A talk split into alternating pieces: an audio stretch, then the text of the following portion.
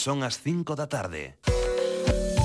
24 horas de boa música para disfrutar. Radio Galega Música. Lume na Palleira, con Emilio Españadero.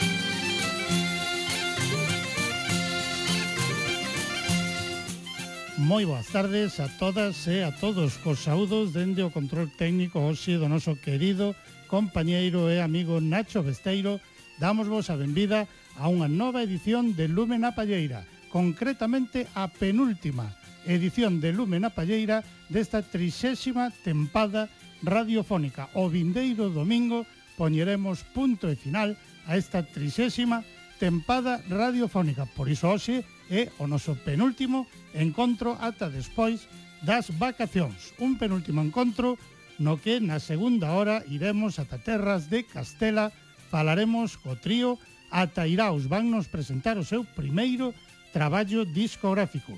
Na primeira hora teremos o recuncho da palleta con Carme López e unha moi sentida lembranza a Rosa de Moscós, esa grande muller que nos deixaba recentemente e a que tanto queríamos e tanto admirábamos. Ela será a protagonista do recuncho da Palleta. Pero agora, comezando con novidades, imos con Milladoiro. Milladoiro que publican novo traballo discográfico, un traballo compilatorio que titularon Cantigas de Amigos, en la que Milladoiro sempre foi un grupo principalmente instrumental En moitísimos dos seus traballos incluíron tamén pezas nas que contaron con colaboracións vogais, como é o caso desta peza que a que máis a quen vai ser a condutora hoxe do recuncho a Carme López vaille encantar. Despois contame se lle encantou ou non, pero outro día aínda falábamos desta peza. Milladoiro non podían deixar de incluir neste Cantigas de Amigos aquela maravillosa interpretación do Alalá das Mariñas, na que incluíron ademais do seu propio son a voz e a zanfona grabadas en 1949 por Faustino Santalices. Aquí os temos xuntos a Santalices e a Milladoiro.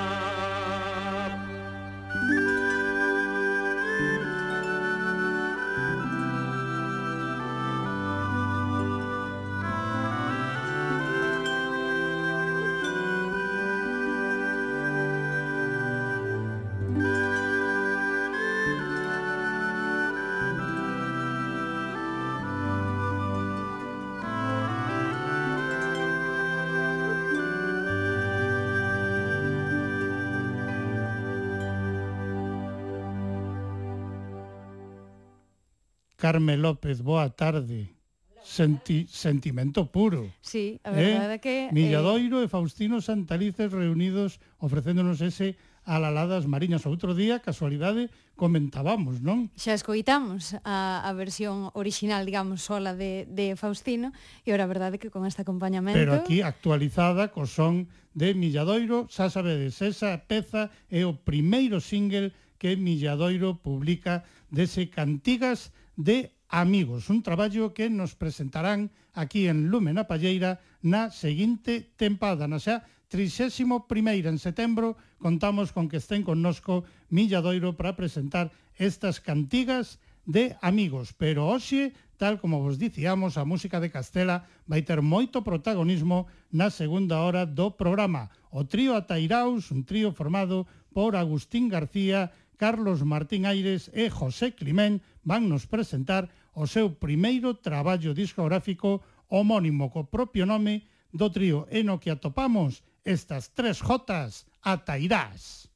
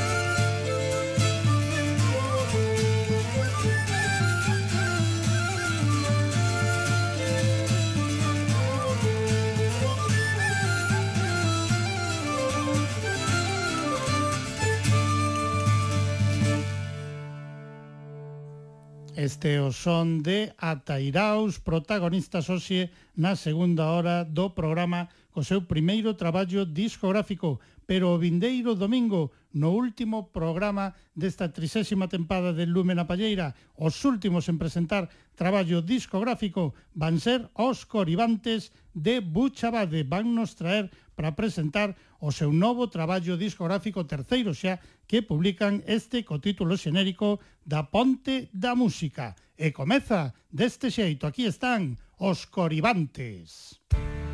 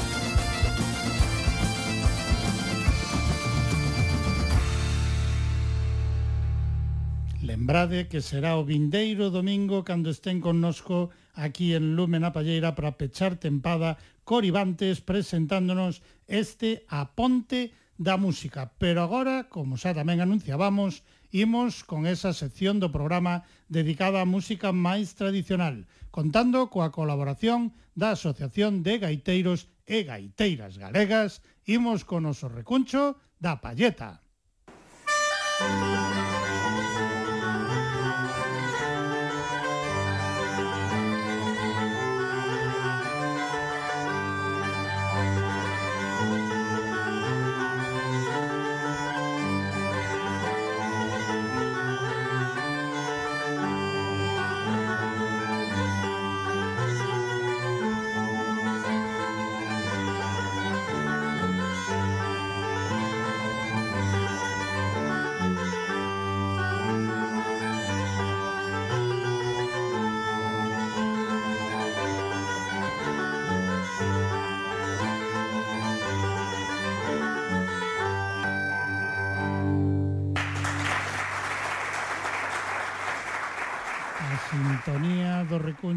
da palleta interpretada en riguroso directo polo dúo Raiceira e unha delas é a nosa compañeira Carme López. Boa tarde de novo, compañeira. Boa tarde, Emilio. A ver, hoxe dicíamos que non nos prestaría nada, nada, nadiña ter que facer este recuncho, pero era obrigado que pois tiveramos pois sí. esa lembranza con Rosa de Moscoso. Foi protagonista do primeiro especial que fixestes deses referentas. Por algo sería que era a primeira que escolliche Rosa de Moscoso, non? Pero agora, sí. desgraciadamente, xa non está connosco. Sí, faleceu hai pouquiño máis de, de unha semana. E, bueno, a verdade que, Rosa, eh, eu creo que pudemos ver, sobre todo nas redes, non esa gran explosión de, de recordos cara, cara ela, porque realmente foi unha eh, informante moi moi importante dentro do panorama vocal galego. Eh, facemos, obviamente, este recuncho na, na súa memoria, pero eu creo que tamén é importante eh, acordarnos en xeral eh, das persoas, eh, neste caso cando falamos de informantes, tamén cando están vivas, non só acordarnos cando claro. cando marchan, entonces bueno, e de igual xeito que comezamos o, o espazo de referentas con ela, tamén era eh, obrigado non volver a, a falar dela e, e a escoitala porque ademais é sempre unha delicia. Uh -huh. E que facemos? Empezamos comezamos escoitándoa? Pois si podemos comezar, sí, con un, un tema coñecidísimo que se canta tamén en, bueno, en diversas eh, zonas próximas a, a, a Moscoso, de, de onde eran Rosa máis máis Aida, e este é un, un corte do arquivo que xa empregamos en máis dunha ocasión de Chisco Feijó, que nos deixou, bueno, que el sempre deixa non ten a xenerosidade... Sempre amable de, de prestarnos e achegarnos así as persoas que non tuvemos a fortuna de chegar a esas casas, pois bueno, podelas ver a través do seu arquivo. Pois veña, imos entón con esa costura iriña as voces de Rosa e Aida Garrido. Lembramos hoxe neste recuncho da palleta con moitísimo cariño a figura de Rosa de Moscoso.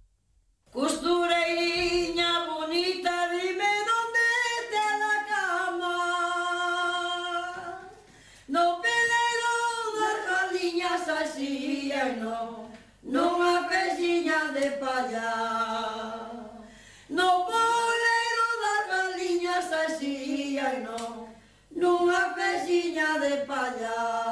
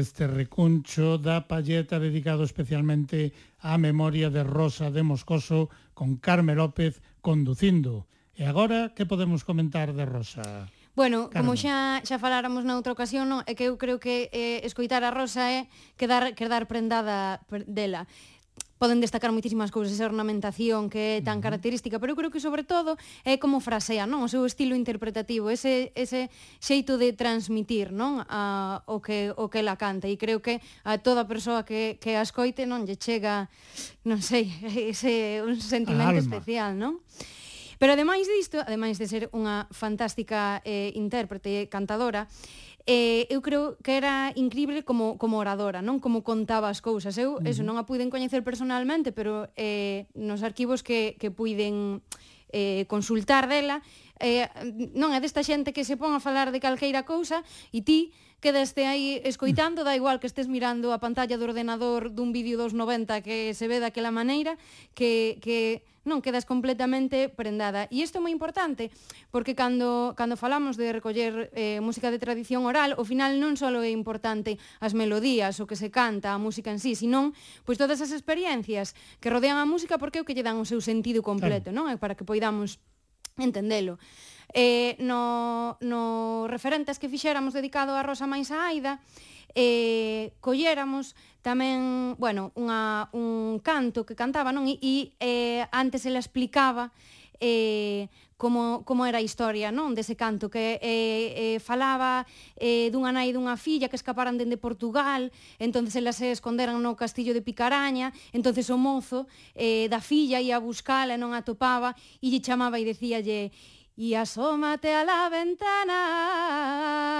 Y si no a la ventanilla, y si no tienes ventana, a mi vera vida mía. Lume, amiga, sí señor. Fermosísima melodía, pero que claro, a historia que ten detrás, claro. non é o que che fai entender pois eso, todo como se canta, por que se uh -huh. canta. Entón, eu a min agora eh, gustaba pois, introducir tamén un pouco pois esa, esa mm, bonita oratoria que tiña que tiña Rosa, por exemplo, pois contando eh, en que consistían as, as labradas. labradas. Eu, con algún que foi recoller e que facía iso de darlle ao cassette cando a persoa comezaba a cantar, despois temos recoñecido de moito me teño arrepentido. Pois sí. De non ter deixado grabando seguido. E xa empezaría a cantar, pero recoller tamén todo ese saber popular que había ao redor desas pezas musicais. Claro. Eh? Así que, nalgúns casos, sí temos. Sí, en este sí. é un deles. Eso Así que aquí está de novo Rosa de Moscoso, aquí está tamén a súa irmá Aida, aquí nos falan das labradas e nos ofrecen o cantar das labradas. Nós tiñamos un día, a nosa labrada era sempre o día 5 de abril, a non ser domingo, o día 5 de abril. Había que abrir o rejo nas veigas, cachar as esquinas, na víspera sejar cinco ou seis feixes de erva para os, para, para os jandos que vían labrar, e ás 8 da mañá chegaba o labrador á porta. Tomaba un café solo e marchaban para a veiga. Despois, claro, eu chamaba pola xente, a xente que tiña que me vir, viña Mercolina, viña Macirrosa, Viñamos mellor de Satán Diomar, Maruja, Claudina, todas, xuntábamos unha lavada de 8 ou 10 personas. Un, dúas quedaban nos cabos, unha en cada cabo. E as outras ao medio. Ao medio. Entonces aí, ás 11, iba o, o, o almozo, xa non chamaba mellor o almozo da abeja. Unha banastrilla de comida, cunha toalla moi ben bordada, habíamos de... Cada un levaba o mellor que podía. Eran unhas empanadillas. Eh, así que estaba a de comida na veja, estábamos de comer aos bois, e nós tamén íbamos comer. Sentábamos, acabábamos de comer, levantábamos e, e viñamos para cantar xa. Xa empezábamos a cantar. E eu era a maior barba de vida, xa empezaba. Agora comezo eu vivo o meu atrevimento. Se non teño tomarei contigo conocimento.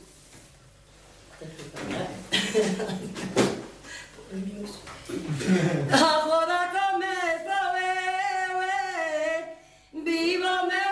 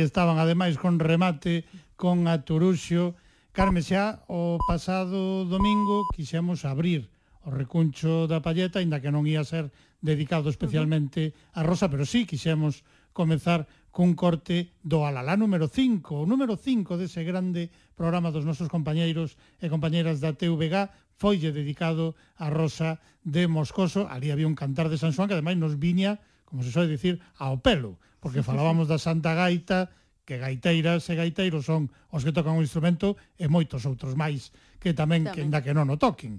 E Rosa evidentemente era unha gaiteira con mayúsculas. Pois aí quixemos tamén incluir ese cantar de San Juan, naquel alalá número 5, non? É fermosísimo ese alalá. Eu, a verdad, teño visto unhas cantas veces, recomendo a toda a audiencia que se non o viron ou aínda que o viran, co volvan a ver, porque, bueno, pois todo o que falábamos, que podemos escoitar unhas melodías fermosísimas, ese xeito de cantar, pero tamén non podemos eh, achegarnos a esa forma de comunicarse que, que tiña Rosa. Ademais, tamén está aí no hallo Chisco Feijó, non? Do que, do que xa falábamos, e a verdade é que eh, hai momentos moi bonitos aí dunha conexión, non? Esta, do que falamos moitas veces, non? De que cando ti vas a recoller ya informantes o final mm, eh, o que crea son conexións claro, emocionais. Que hai unha ¿no? amizade sí. absoluta, fonda, un grande cariño que era o que había entre Xisco sí, tamén e Rosa. Sen dúbida. Eh, hoxe non falaremos con Xisco porque xa falamos con el eh, en Naquel novembro. primeiro referentes. Pero bueno, tamén eh, estamos seguras de que, de que el querería tamén que, que bueno, faláramos do profundo agarimo do que, bueno, eh, sinte por, por Rosa. Uh -huh. Pero, eh, dime. Eso sí, non imos falar con Xisco pero idevos preparando porque sí, ter sí. outro convidado, claro. que ademais facíalle moitísima ilusión aquí a Carmen. Despois desvelamos sí, quen é. Eh? Sí. Eh, bueno, e nada, como xa vimos, eh, daríanos para facer, eu creo que unha tempada enteira de recunchos as versións, a cantidade de versións que hai de melodías de, de Rosa, non? Uh -huh. Aquí teño anotados algún David, de Caldo, Xavier Díaz, Chiscos, Tanxugueiras.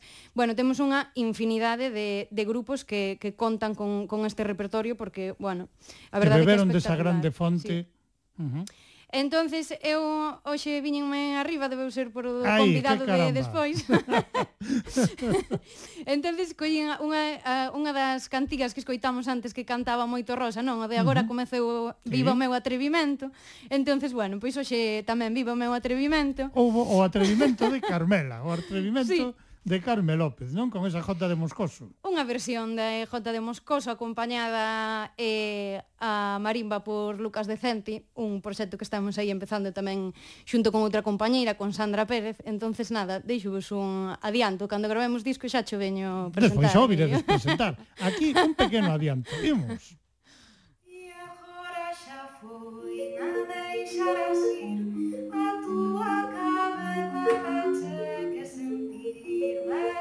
Sentir A máis que pensar E agora de feita non vale chorar Arcibres de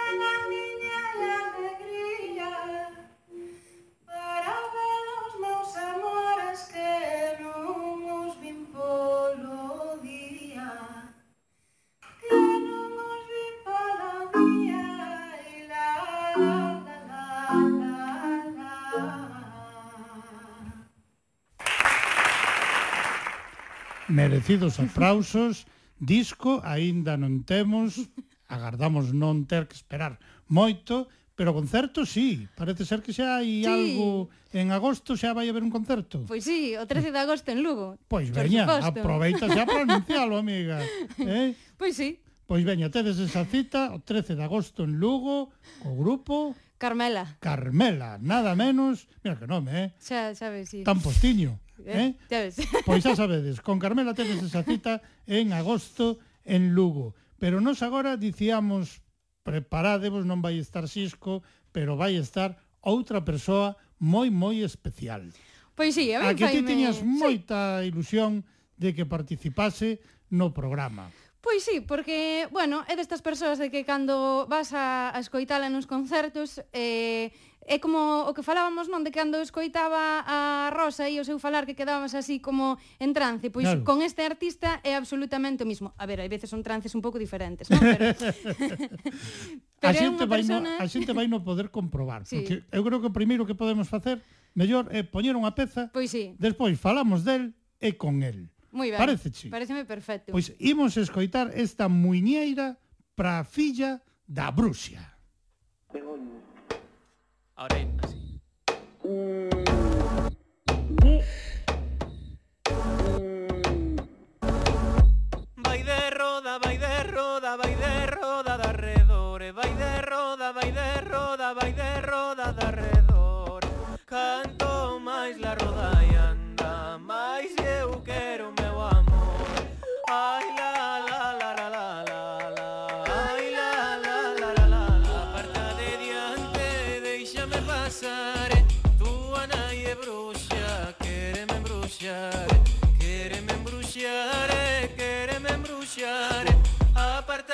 diante, déixame pasar.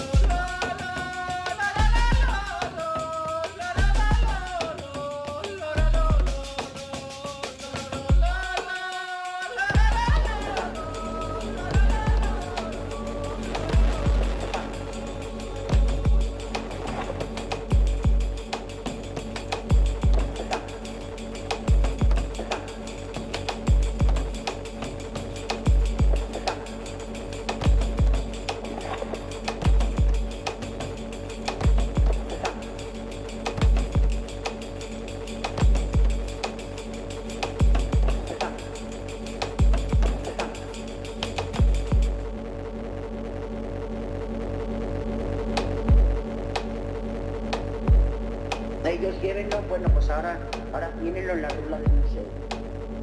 Eh, aquí fracasaron las bodegas, porque al llevar la rula para el museo, pues tuvieron que cerrar las bodegas. Dicen que estuvo todo mejor. eh, hay una parte que dice que estuvo mejor. Y hay otra parte que dice que ya la pienso yo que quitó mucho para ganar a la gente. Porque toda la gente no tenía furgoneta para ir a comprar el pescado al museo. Y toda la gente no podía permitirse el lujo de pagar el tranvía, el autobús todos los días para ir al museo. Entonces quitaron esta rula y total, ¿qué hay? Pues un cuartelillo con dos guardias civiles y un restaurante.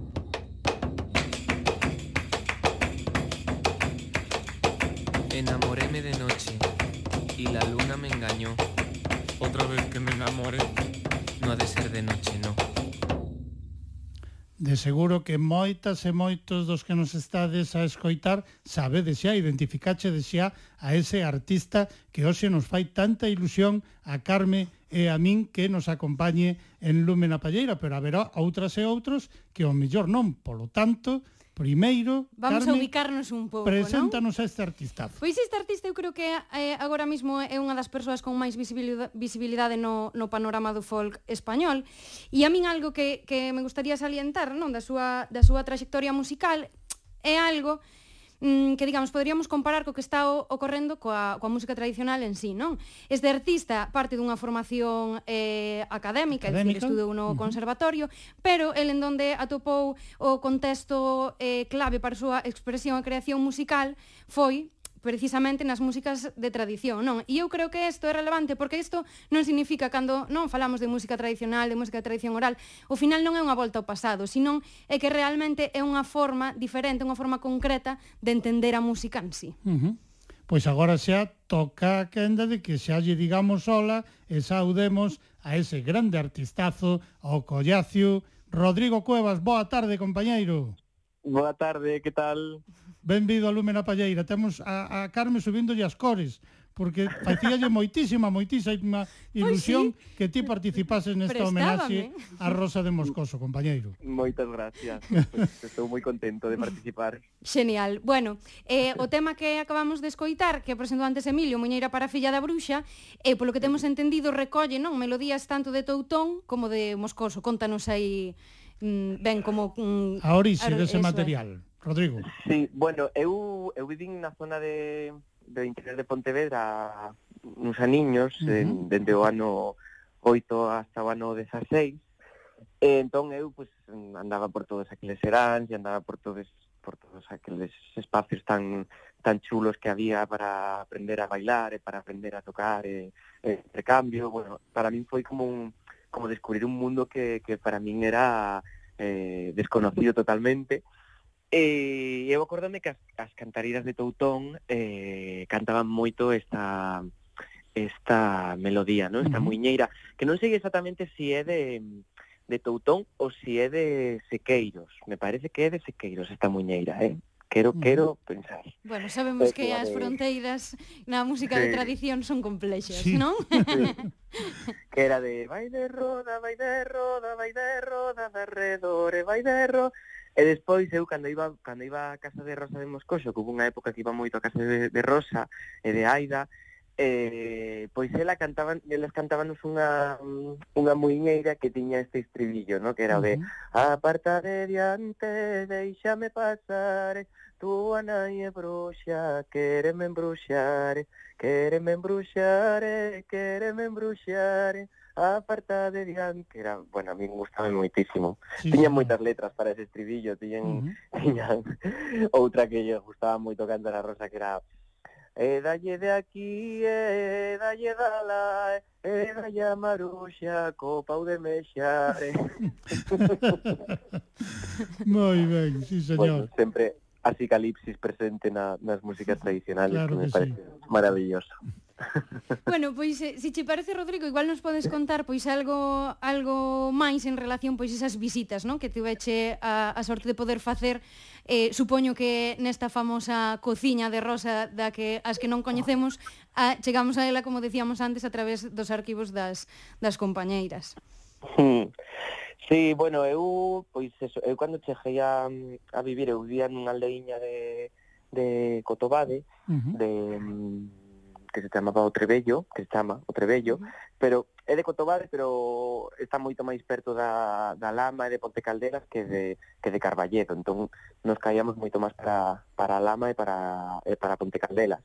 Hmm. Eh, eu tiña un veciño, David Salvado, que seguro que o coñecedes, claro. que, que vivía ali a tres kilómetros de min, eh, ao principio cando eu cheguei ali a vivir, pois pois íamos moito, íbamos moito ali a a Casa de Rosa, a pasar as tardes, porque a verdade é que a mí nunca me gustou moito eh, traballar coa gravadora, non? A mí non gustame máis mm, ir aprender é como como unha cousa que eu non son fron, non son from, musicólogo, nin son folclorista, nin musicólogo, entón pareceme como como que non sei facelo, non? Non sei sacar a gravadora, sempre como que perdo moito a naturalidade. Entón a mí gustábame moito pasar as tardes ali con con Rosa e Aida e, e escoitalas porque además porque eh, xente que tiña tanta tanta historia no seu, non? Que, uh -huh. que non facía falta nada máis que ir. Eh, esa era unha experiencia estar ali con, con Rosa. Claro, eu creo, eu creo, Rodrigo, que ti eras desas persoas que falemos de viaxes, falemos de recollas, prefires vivilas e non estarlas filmando ou registrando. Claro. Sí, porque eu creo que xa hai moita xente que o ten todo grabado e que, e que o fai moi ben, o que vai, mm. e que grava e que fai moi ben, e eu, pois, o que me gustaba era ir ali e que me enseñara a, a cantar, e que me enseñara a tocar, e acordome moito con, co, coa canción de Serranita Mía, que a ela uh -huh. me gustaba moito, que, que ela facía che era, era bastante maestra, eu creo, eh? Uh -huh. Mm, home, supoño que hai xente que a conoce moito máis e e pode ser que, que, que, que non lle pareza tanto, pero para mí me parecía moi maestra porque mm, ela tiña como a ansia de que aprenderas ben as cancións, que porque te decía, non, aquí falta unha volta. E ademais eu creo que facía con bastante picardía porque eh, eu creo que cando, cando facías ben, Sí. Ela ainda lle daba outra volta para decir que te faltaba unha. para liarte un pouco, non? Sí, bueno, porque tiña como pois pues, esa forma de decir as cousas como con moita picardía sí. e ademais que lle gustaba ser a que mellor cantaba, eu creo, a Ros. Bueno, moi... creo que eso sin dúbida, non? bueno, porque era a que mellor cantaba, o sea que Aparte. a ver, que, que lembras así especialmente desas esas vivencias con Rosa, con Aida, os estamos lembrando a Rosa, pero Aida, digamos que era sí. inseparable, non tamén. Cales son as maiores vivencias así que podes lembrar, Rodrigo? Pois non sei, era todo era era todo como tan natural, todo eh Ivón tamén, a filla de a filla de Rosa sí. e de Aida, era unha persona maravillosa que sempre estaba eu creo que non sei, o amor que se tiña nesa casa por todo giraba en torno a ela, non? En torno uh -huh. a elas dous. En, e e era moi, non sei, era moi agradable estar ali, moi moi natural todo. Non sei, tampouco quero con, como contar anécdotas moi moi moi concretas porque tamén quedan ali no, no na parte do do personal, porque, uh -huh. bueno, es que te, o sea, tiña cada salida Rosa, que es que te meabas de risa, porque, claro. bueno, porque era moi moi hablando. Digamos que a conclusión é que o lugar era máxico porque máxicas eran as persoas que ali vivían, non, Rodrigo? Sí, sí, sí, sí.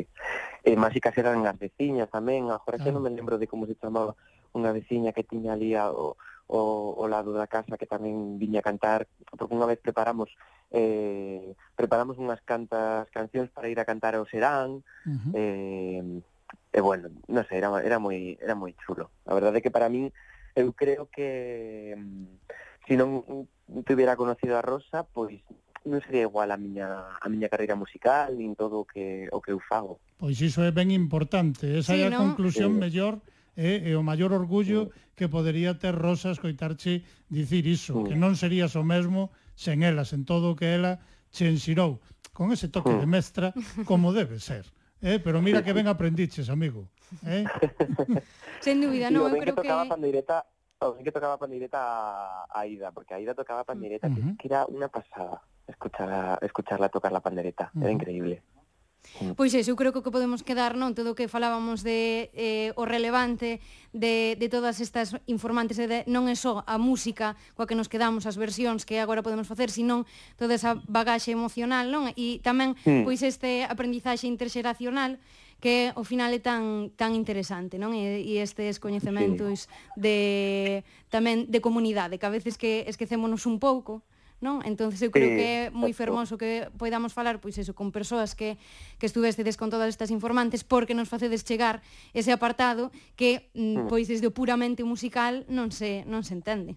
Uh -huh. mm, sí, sí. E despois creo que que o que tiña Rosa eh, a partir do ben que cantaba, as voltas, o gusto que tiña no para adornar, para facer todos os mm. adornos, era a forma de colocar a voz tan natural, e mm, non que moitas veces eh, forzamos ou buscamos un timbre que non é o noso para parecernos a tal historia ou a tal outra ou para parecer máis mm, para parecer como unha voz máis antiga. Uh -huh. e eu creo que o que ela facía era con, mm, contrario, era totalmente contrario, era ela canta, tiña voz totalmente libre e deixaba que o seu timbre eh, brillara eh, e iso facía as cancións mm, máis auténticas, non? Máis máis que creo que creo que temos que facer moitas veces os que facemos música tradicional sí. estamos buscando cantar como se si fuéramos moi antigos e, e cantar como se si fuéramos bellos eh, e non é así eu creo eu con, con ela aprendín que que o bonito é cantar co teu timbre, ¿no? Admitir o teu timbre e entón é cando lle podes dar todo o brillo a túa voz e podes sacala fora. Claro, o teu timbre que tes con cada idade, porque eu estou seguro, temolo comentado moitas veces, eu estou seguro que nin Rosa, nin Aida, nin ningunha das cantareiras do noso país cantaban igual cando tiñan 18 anos que cando tiñan 65 é imposible. Exactamente. Eh? Nin a idade e o momento tamén. Claro, non eh? é o mesmo estar na casa tranquila que cando claro, estás nun serán eh, claro, eh? diante da veciñanza. Sí, eh? Moi ben, pois Rodrigo, moitísimas grazas, compañeiro, por sumarte a esta homenaxe hoxe aquí en Lúmena Palleira, no recuncho da Palleta, a Rosa de Moscoso, a grande, e que sempre lembraremos Rosa Garrido, Rosa de Moscoso. Moitísimas grazas, amigo. Gracias a vos por lle facer este homenaxe, gracias. Pois moitas gracias, Rodrigo, e agora vamos a despedir precisamente, xa non lo introduciche maravillosamente. Só foi Rodrigo que nos falou ¿Sí? del, David de Salvado, como podía faltar tamén pois nesta sí. homenaxe, non? David tamén ten un, unha, unha versión dunha jota do repertorio de, de, de Rosa Mains de Aida, que ademais en esta grabación do seu CD Árnica Pura está acompañado doutra das grandes vozas do panorama folk español que é Eliseo Parra. Pois, Carme, escoitamos entón a David escoitamos. de Salvado, a Eliseo Parra, e así, dese xeito, pechamos o teu último recuncho desta tempada. Pois sí, eh? hasta en a próxima. En setembro volvemos. Xa teño notadas moitas referentas máis para traer. pois un agradecemento, un agradecemento moi especial a Rodrigo, compañeiro, unha aperta enorme e seguimos en contacto. Outras veces xa te volveremos chamar, eh? Creo que xa nos deixou. Rodrigo, deixounos, pero mantemos pero volver, no ese chamamento. Xa volveremos falar con Rodrigo Cuevas, agora toca escoitar esa jota de Moscoso, David Salvado, Eliseo Parra e darlle o agradecemento a Carme López por eses fermosísimos recunchos da palleta que nos ofreceu ao longo de toda esta tempada que xa está tocando o seu fin. Pois Moitísimas sí. grazas, compañeira. Graciñas a vos, desexando Veña. voltar. Imos entón con David Salvado.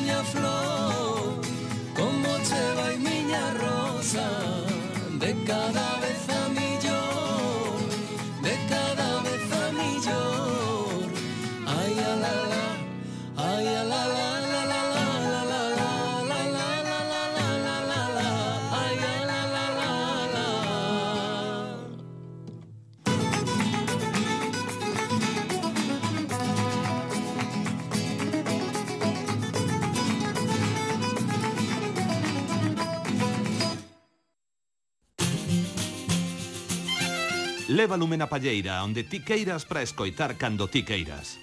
Busca os arquivos de Radio Galega Música en www.crtvg.es e garda os programas no teu reproductor de audio. Radio Galega Música enlatada cos seus podcast. E despois deste recuncho da palleta, pero antes de pasar a ofrecervos ese especial de músicas de Castela, no que o principal protagonista será o trío Atairaos e o seu primeiro traballo discográfico, imos ata Terras de Lugo da man do novo traballo discográfico de Braz, un traballo titulado Clan Atlante que se abre con esta composición de Eloi Caldeiro que titulou Xalundes. Aquí están, Braz.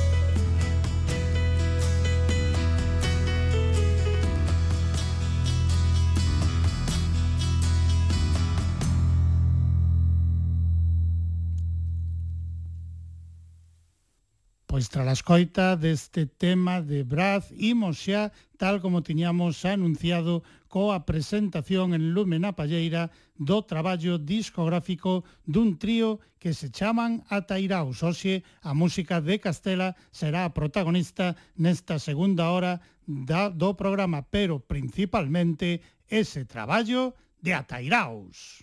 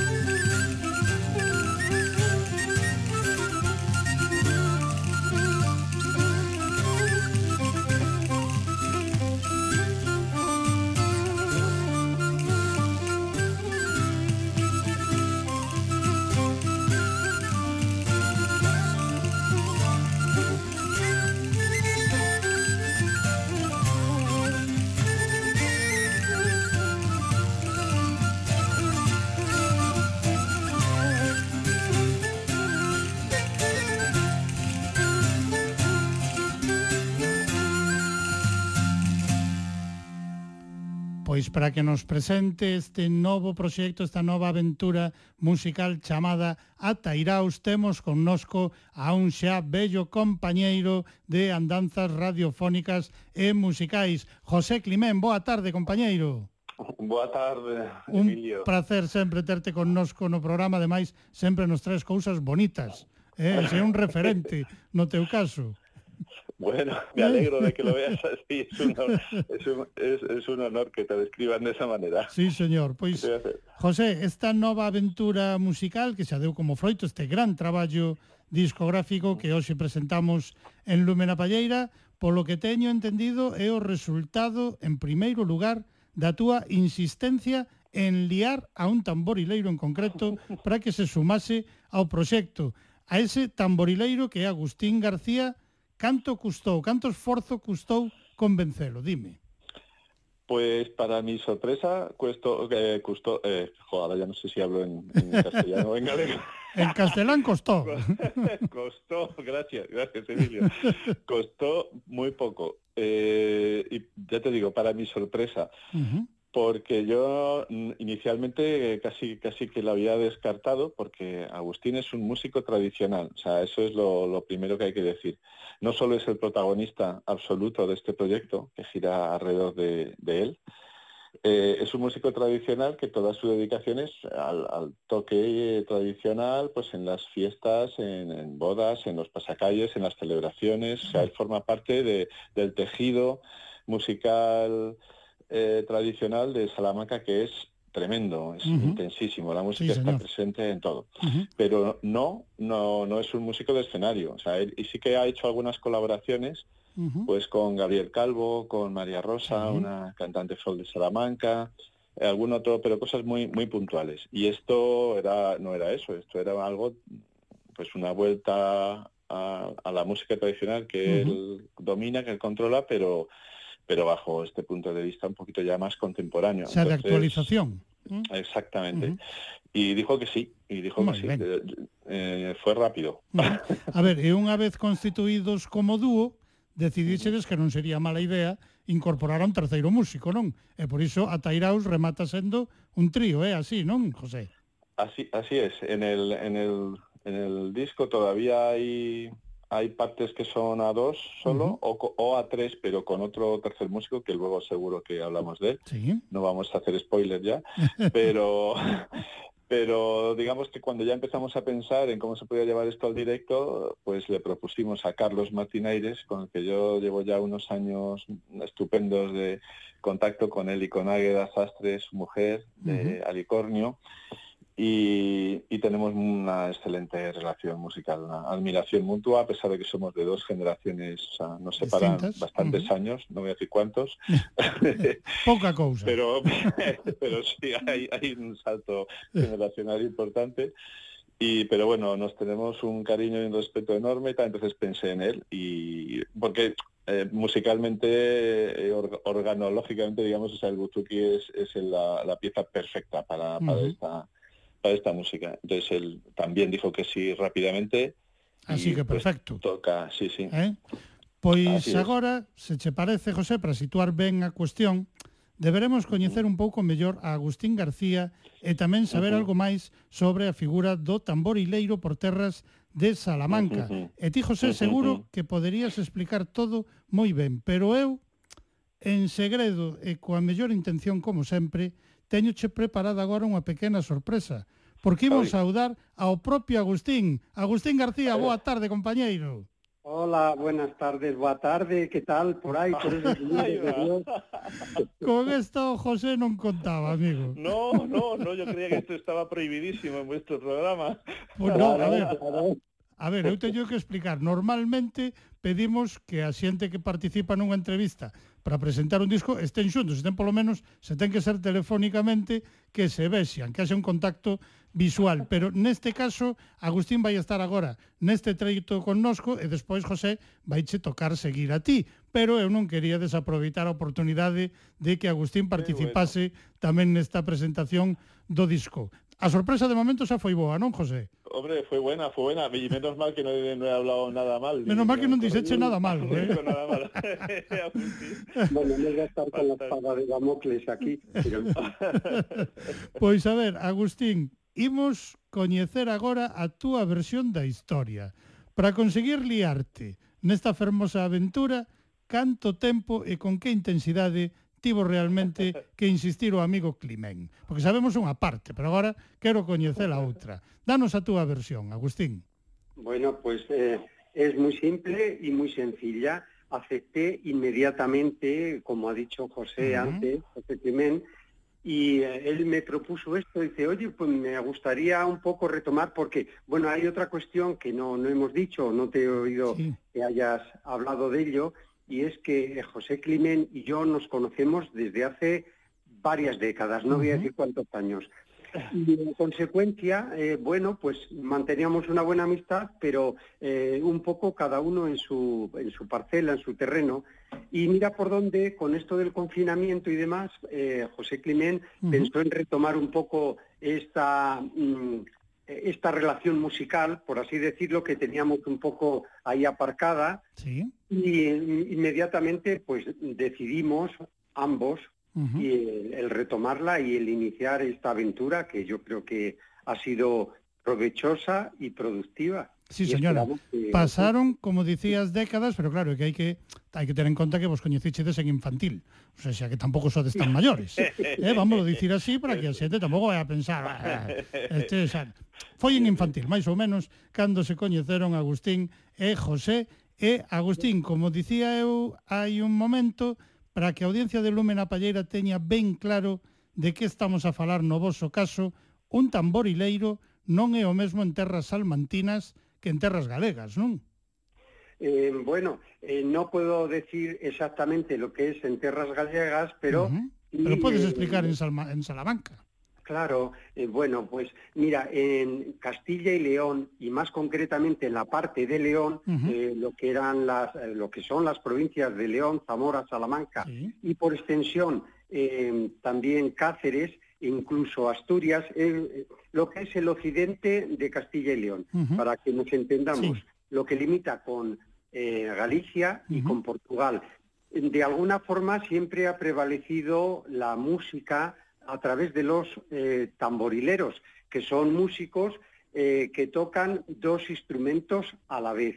Uno es el tambor, y se les llama tamborileros, y otro es una flauta de tres agujeros y que se toca con una mano.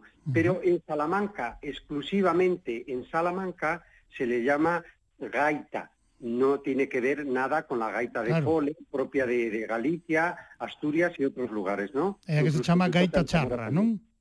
Eh, sí, es la, la, la gaita charra, eh, como la podemos llamar aquí, o gaita salmantina también. Exacto. Pois así, Bueno, pues que o teña la claro a audiencia de confusión- Lumen a Palleira, cando vayan por terras de Salamanca e vexan un músico cun tambor e cunha gaita charra, xa teñen totalmente a definición de que é un tamborileiro, pero Eso. salmantino. Eh? Claro.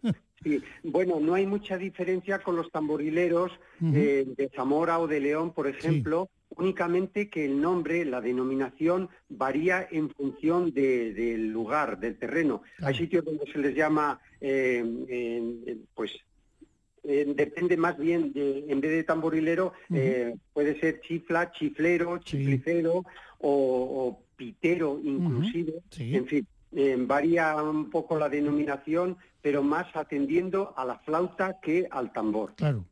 Pero no en no é voso caso é máis tamborilero. atendendo ao nome do tambor, tamborilero, é o nome que lle poñedes, pero evidentemente tocades dous instrumentos a un tempo. E ti creo, Agustín, que xa con 15 anos xa comezaches a tocar, non? Sí, mm, fue un poco casualidad. Eh, teníamos, eh, tuvimos la suerte de contar con una persona eh, pues que se interesaba mucho y se preocupaba mucho porque la tradición musical tradicional en Salamanca y más concretamente en mi pueblo, en el Cabaco, eh, pues no se perdiera. Entonces un día nos reunió a varios chicos y chicas eh, al salir de la escuela y nos propuso el aprender a tocar estos instrumentos, ¿no? El ser tamborileros. Y bueno, en principio, pues eh, aceptamos la mayoría, unos 14 o 15 chavales, exclusivamente del Cabaco, y algunas chicas que también tocaban fenomenal, muy bien. Luego unos siguieron, otros no. Y bueno, eh, entonces nos inició, nos picó el gusanillo, continuamos y además teníamos la suerte que en Salamanca se había creado hacía poco tiempo lo que se llamó la Escuela de Tamborileros. Luego fue el famoso Centro de Cultura Tradicional, que bueno, en la evolución. Pero Sí. fue aquí donde nos, mm, donde aprendimos, donde nos desarrollamos como músicos tamborileros y, y bueno, aquí estoy yo. E ti nunca deixaches de tocar porque isto pasa en todos os lugares o mesmo e con todos os instrumentos tradicionais tamén acontece o mesmo. Hai moita xente pois que o deixa por diversos motivos, hai outros que perseveran, que continúan, ti fuche dos que continuou a tocar, nunca deixaches de tocar, pero ademais é que pasaches a ser ti quen formou novos tamborileros, non? Sí, eh, me ha tocado ser un pouco eh, de todo, lo de, de ser... Eh, eh, como es, cocinero antes que fraile. Sí, de todo. gerencia, si quieres.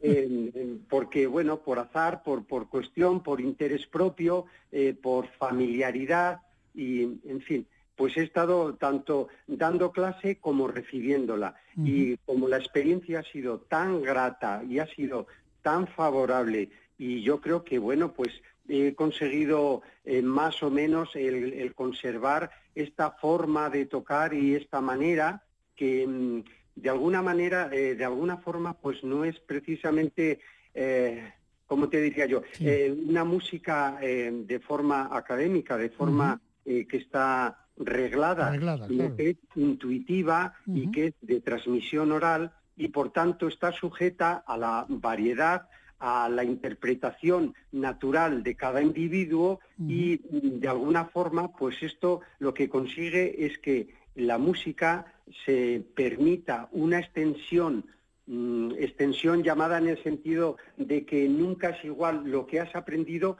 que lo que tú vas a interpretar, uh -huh. que es como siempre se tocó y como siempre se desarrolló. Sí, señor. Bueno, y la consecuencia es esta. Uh -huh.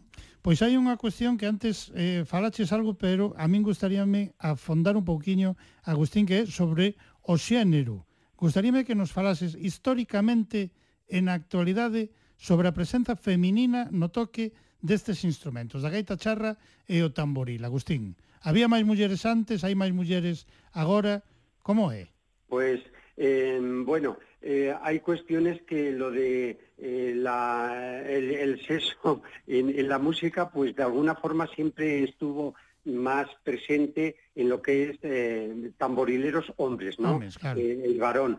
Sí, la mujer era bastante circunstancial y se cernía más bien o se, mm, se amoldaba a otras fórmulas. Por ejemplo, para tocar el pandero cuadrado, que aquí en Salamanca se toca de otra forma distinta a como se puede hacer en Galicia o en León, y eh, o la pandereta, no sé, o incluso los pitos, pititos, que son castañuelas pequeñas para la danza. Pero lo que es concretamente de tamborileros, eh, solo tengo conocimiento de dos mujeres que no sé por qué razón aprendieron ellas, porque ni siquiera sus padres eran tamborileros, pero sí que lo tocaban, mm, bueno, de una manera más o menos aceptable, no era una manera exquisita, pero se podía bailar.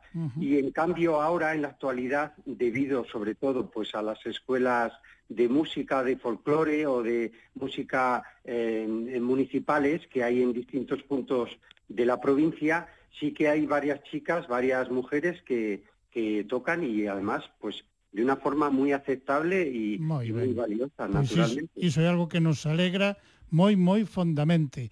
A ver, José, non sei se lle queres comentar algo a Agustín. Eu só teño un, un último comentario, pregunta para él, pero a ver, despois da sorpresa, a, polo menos saúda ou así, non? Dille que che pareceu. sí, hombre, claro. eh, isto que se soe dicir por aí este marrón. no, no, muy bien. Si es que ayer estábamos juntos, ayer estábamos ensayando. Pero estaba avisado de que non dixera nada, eh. Qué tío. A culpa é toda miña, eh, non é del. Ya veo, ya veo. Qué liante, qué liante. Moi ben. Nada, yo, Nada, nada, dime, vamos, dime. A, vamos, a, seguir, no, vamos a seguir con la tal, porque como a Agustín le gusta mucho hablar, eso ya habéis ya, ya si, si, no nos eternizamos.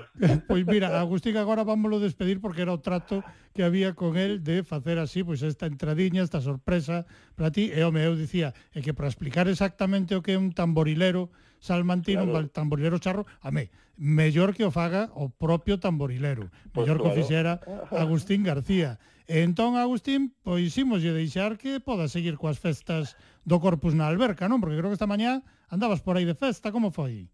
Sí, sí, bueno, eh, ya sabéis todos que ahora el corpus, en vez de ser el jueves, pues ahora lo han trasladado al domingo y, y ha tocado hoy. Pero mira por dónde, lo que hace la, la vida. Oye, eh, hay fuegos eh, por acá y allá, por doquier, y aquí precisamente ha estado toda la mañana lloviendo. Esto Ah. ha deslucido un poco la fiesta Claro. en sí, pero no ha evitado que se haga. Por tanto, mm, somos capaces, como en la forma tradicional, de a, mal tiempo buena cara, Claro. es decir, asumir lo que viene y sencillamente hemos estado eh, colgando, eh, colgando aquí en la alberca, Sí. eh, concretamente se llama pulir los balcones y es- esto es poner una serie de sábanas para que protejan los, eh, los bordados que van en otro paño puestos encima en, en los, en los balaustres de los balcones o en las ventanas ¿no? que penden. Y es una forma de lucir y de dar a conocer un poco la cultura tradicional, donde sobre todo la, la mujer tenía un papel fundamental porque es un trabajo impresionante, hay que verlo, no basta con explicarlo, y el montón de significados que tienen estos bordados, porque hay muchos balcones que por desgracia tenían que poner solamente una sábana blanca, una sábana digo, cuando realmente es un paño de acristianar, un paño de difuntos, un paño de un- pues solo llevaba una encomienda, un tipo de lazo negro, eh, en fin, o algo en señal de luto. Entonces, es tan variedad y, y tal la cantidad de significados que hay que hay que verlo. Tenéis que venir y verlo. Sí, señor. Pois animamos a toda toda a que se achegue a alberca e poder gozar con esa maravilla. E agora que gocemos, pois xa aproveitando cos toques religiosos del cabaco, que xa che toca a ti, máis de cerca ainda, ah. Agustín, e da alberca. Sí, sí. Eh, eh, eh Muy bueno. Eh, quería, sí. quería decir solamente una cosa. Dime, dime. Eh, muchas, mm, muchos de los toques que se uh -huh. hacían y se siguen haciendo tenían un significado especial, eran para un momento especial y específico. Y este es el caso. Era, es una entrada a misa, en este caso, lo de los toques religiosos del cabaco y la alberca. Primero es una entrada a misa, es decir, cuando se entraba a misa, tocaban las campanas eh, todas, y pues era una manera de incitar, de, de pedir a la gente que entrara en misa. Y luego seguido de el toque de eh, el ofertorio ¿Sí? de la plaza que se hace en la alberca. Moi ben, pois Agustín, moitísimas grazas, compañeiro, fixáchelo moi ben, eh? Moi bien, me alegro mucho. Temos que repetir, pero aquí en persoa. Bueno, también sería buena idea. Home, sería unha maravilla que trouxeras a gaita e o tambor. Pues estaría genial que eh, alguien de Galicia se encargara o le apeteciera escucharnos y vernos en directo y contar con nosotros, con nuestra presencia. Claro que sí, pois esperemos que sí, que se dé pues esa oportunidade. Agustín, unha aperta enorme, compañeiro, moitísimas grazas por esa complicidade. Xa agora vaille tocar a José seguir a falar do resto que temos que comentar sobre este traballo discográfico de Atairaus. Pero agora ah. imos con eses toques religiosos del cabaco e la alberca. Yes.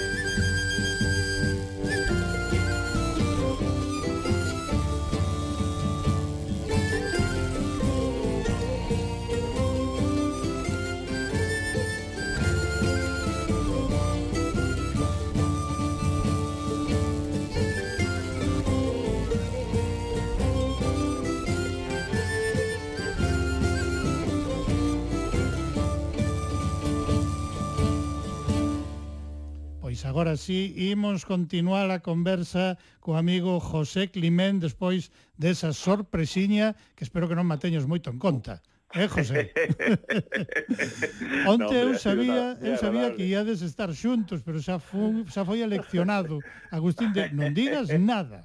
Nada de nada. Eh, así a sorpresa pues cumplido, era completa. Pois imos seguir falando de Atairaus e agora gustaríame falar do repertorio do grupo, porque o grupo bebe fundamentalmente da grande cantidade de pezas de orixe tradicional que achega Agustín, non? Efectivamente, sí. Yo creo que hemos calculado y él mismo cal- calcula que debe tener un repertorio de unas 600 piezas. Puh, para Solo. moitos discos, eh?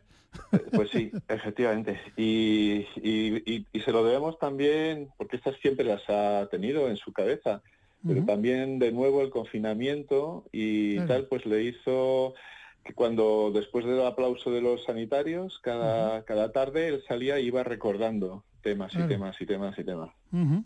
Pois Así agora foi. que nos gustaríame que nos explicases, aínda que eu xa o fixen en programas anteriores, pero gustaríame uh -huh. que foras ti mesmo o que nos explicaras o significado do nome escollido para o grupo, uh -huh. que nos falaras da súa orixe e de por que vos pareceu que esta era a mellor proposta para o nome.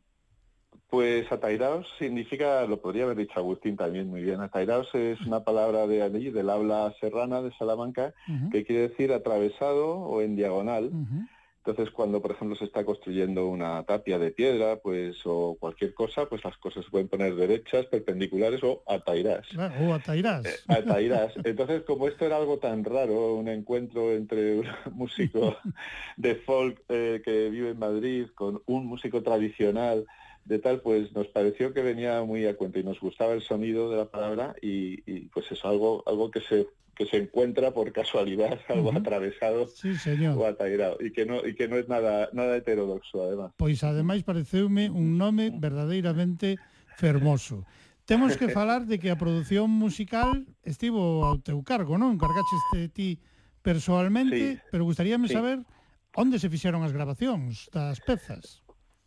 Pues sí, es interesante. Esto, yo me, me planteé mucho cómo se podía hacer esto, porque claro, Agustín, no podíamos irnos a un estudio, eh, pero no era, no era la idea, o sea, porque esto era, era prueba de prueba-error. Entonces, lo que hicimos fue primero, pasamos un fin de semana de, de reencuentro y que ya aprovechamos para grabar en una casa que tengo en la Sierra de Madrid, Collado Mediano, que es, ayer estábamos allí ensayando y que es un lugar realmente acogedor y muy agradable para estar ahí aislado de todo y, y concentrados en el trabajo. Y le grabé pues 15, 16, 17 piezas a él solo, un gaita y tamboril a la vez, con lo cual Sí. era, era impensable grabar primero la gaita y luego el tamboril o al revés, que sería lo normal en un estudio de grabación moderno. ¿no? Sí.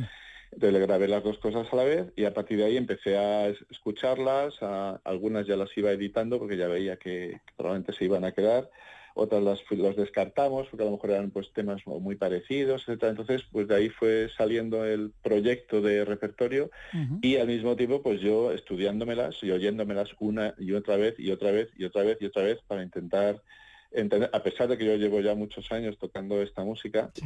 eh, esto era distinto porque era el toque tradicional, tradicional, y de manera que yo, eh, la idea era que Agustín no cambiase absolutamente nada de su forma de tocar. Eso es lo que es importante decir. Entonces todo tenía que ir detrás, o sea, poder ser el protagonista absoluto del proyecto y tanto primero yo, luego Carlos, eh, tal, teníamos que ir después añadiéndonos a la que él había, había grabado. Claro, tenías que ser se como podía, otras piezas de ese vestido musical, ¿no? Tenías que ir vestindo esa base principal que facía Agustín, uh -huh. ¿no?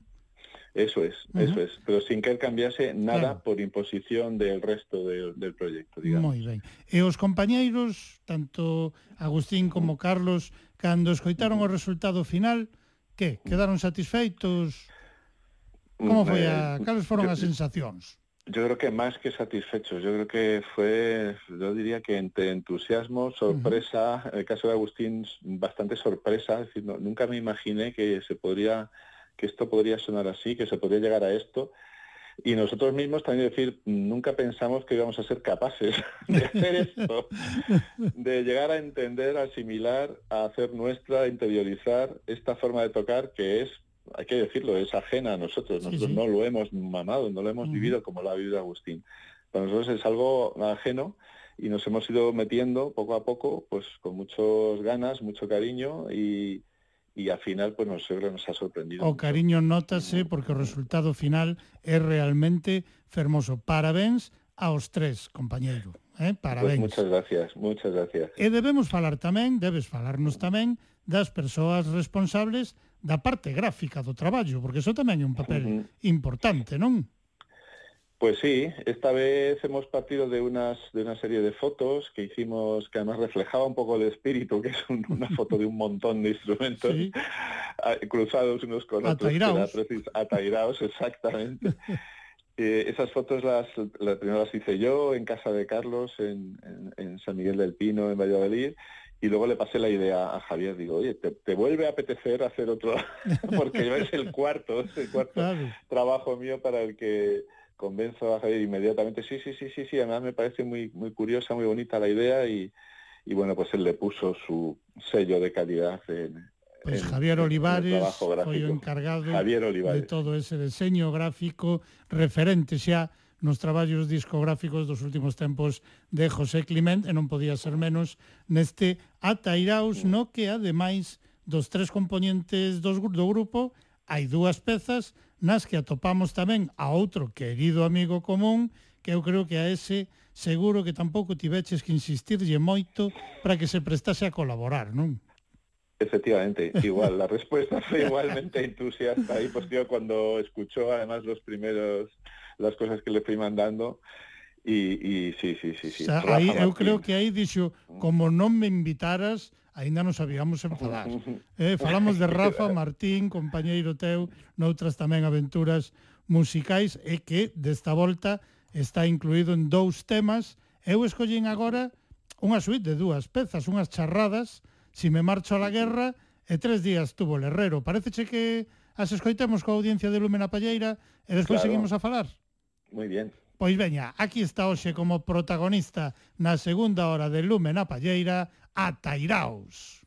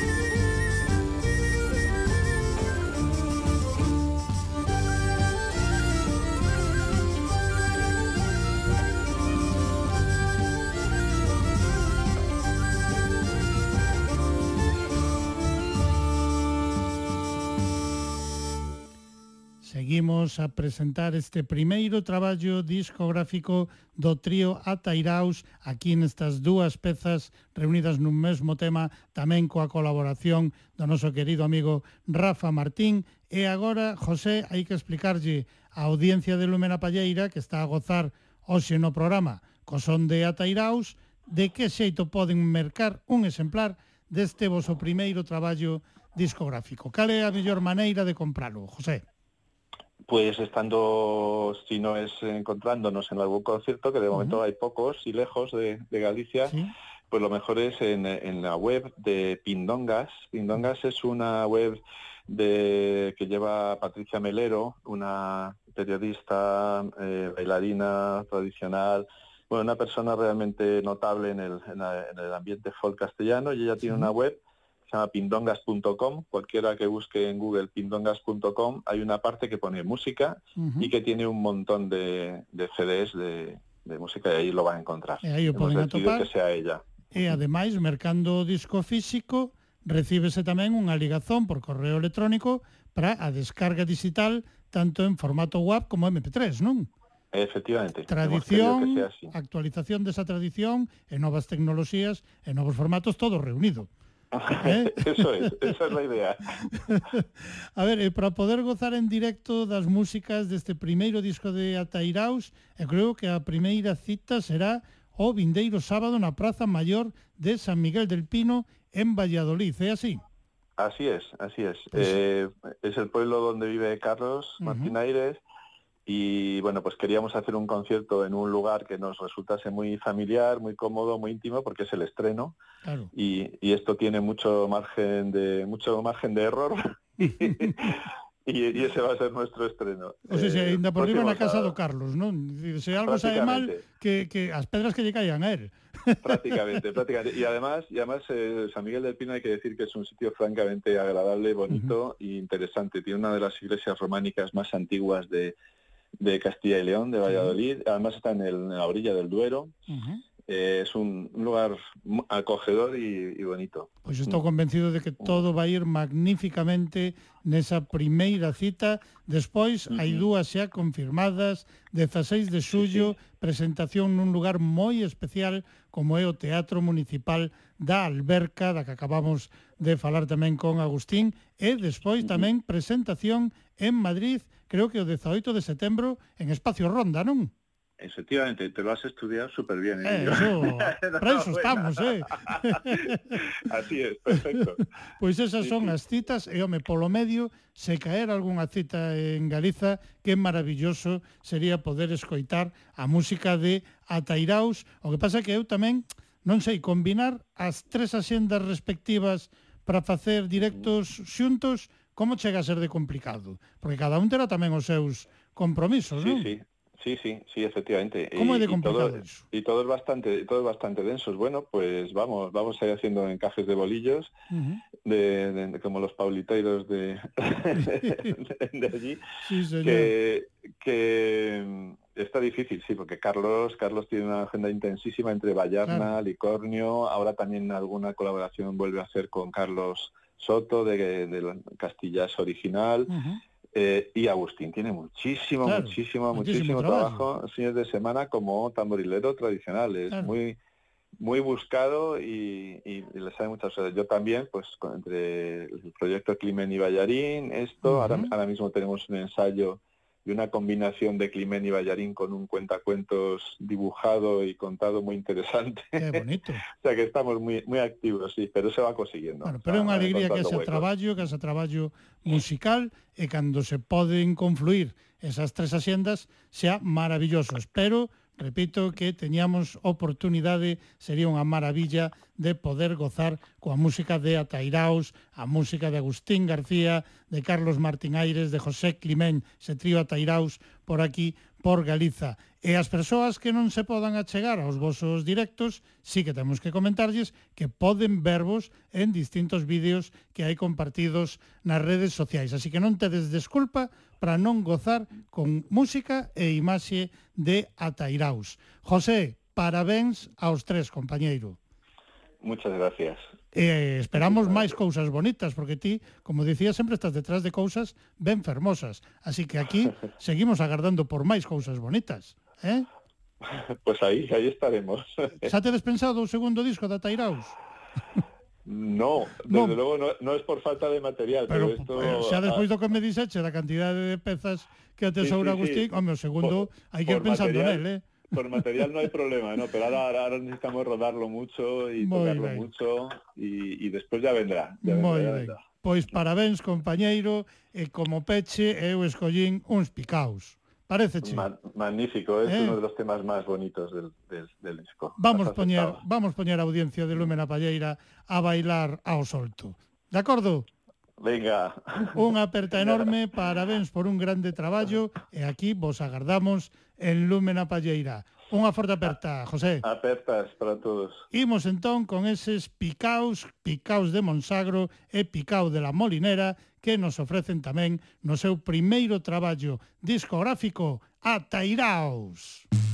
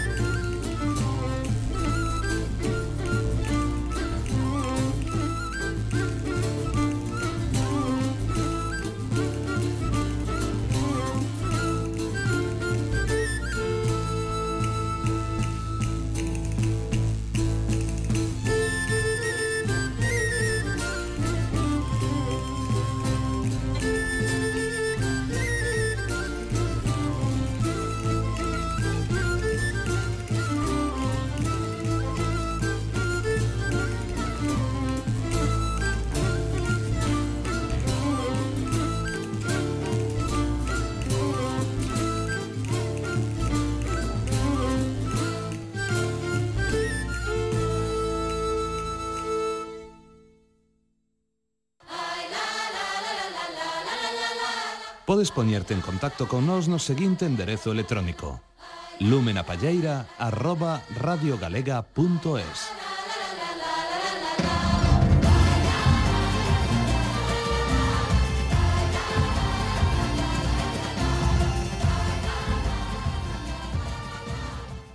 agora en Lúmena Palleira en Radio Galega Música de Salamanca e o son de Atairaus pasamos a Toledo cunha peza moi especial que nos ofrecen os nosos queridos amigos Pepalillo e Gabriel Navalón. Eles son os autores dun tema titulado Cantar de mi otajo e ademais son os componentes do dúo Etnosatramo encargado de ofrecernos esa fermosa peza que forma parte dun proxecto colectivo de concienciación ecolóxico-cultural chamado Música por el Tajo, un proxecto que está impulsado pola Real Fundación de Toledo. A peza, ademais, estará incluída no que será o novo traballo discográfico de Etnos a Tramo que o, o grupo vai publicar próximamente. Ademais, nas redes está compartido un videoclip cunhas fermosas e impresionantes imaxes históricas do río, para as que contaron co acceso aos fondos fotográficos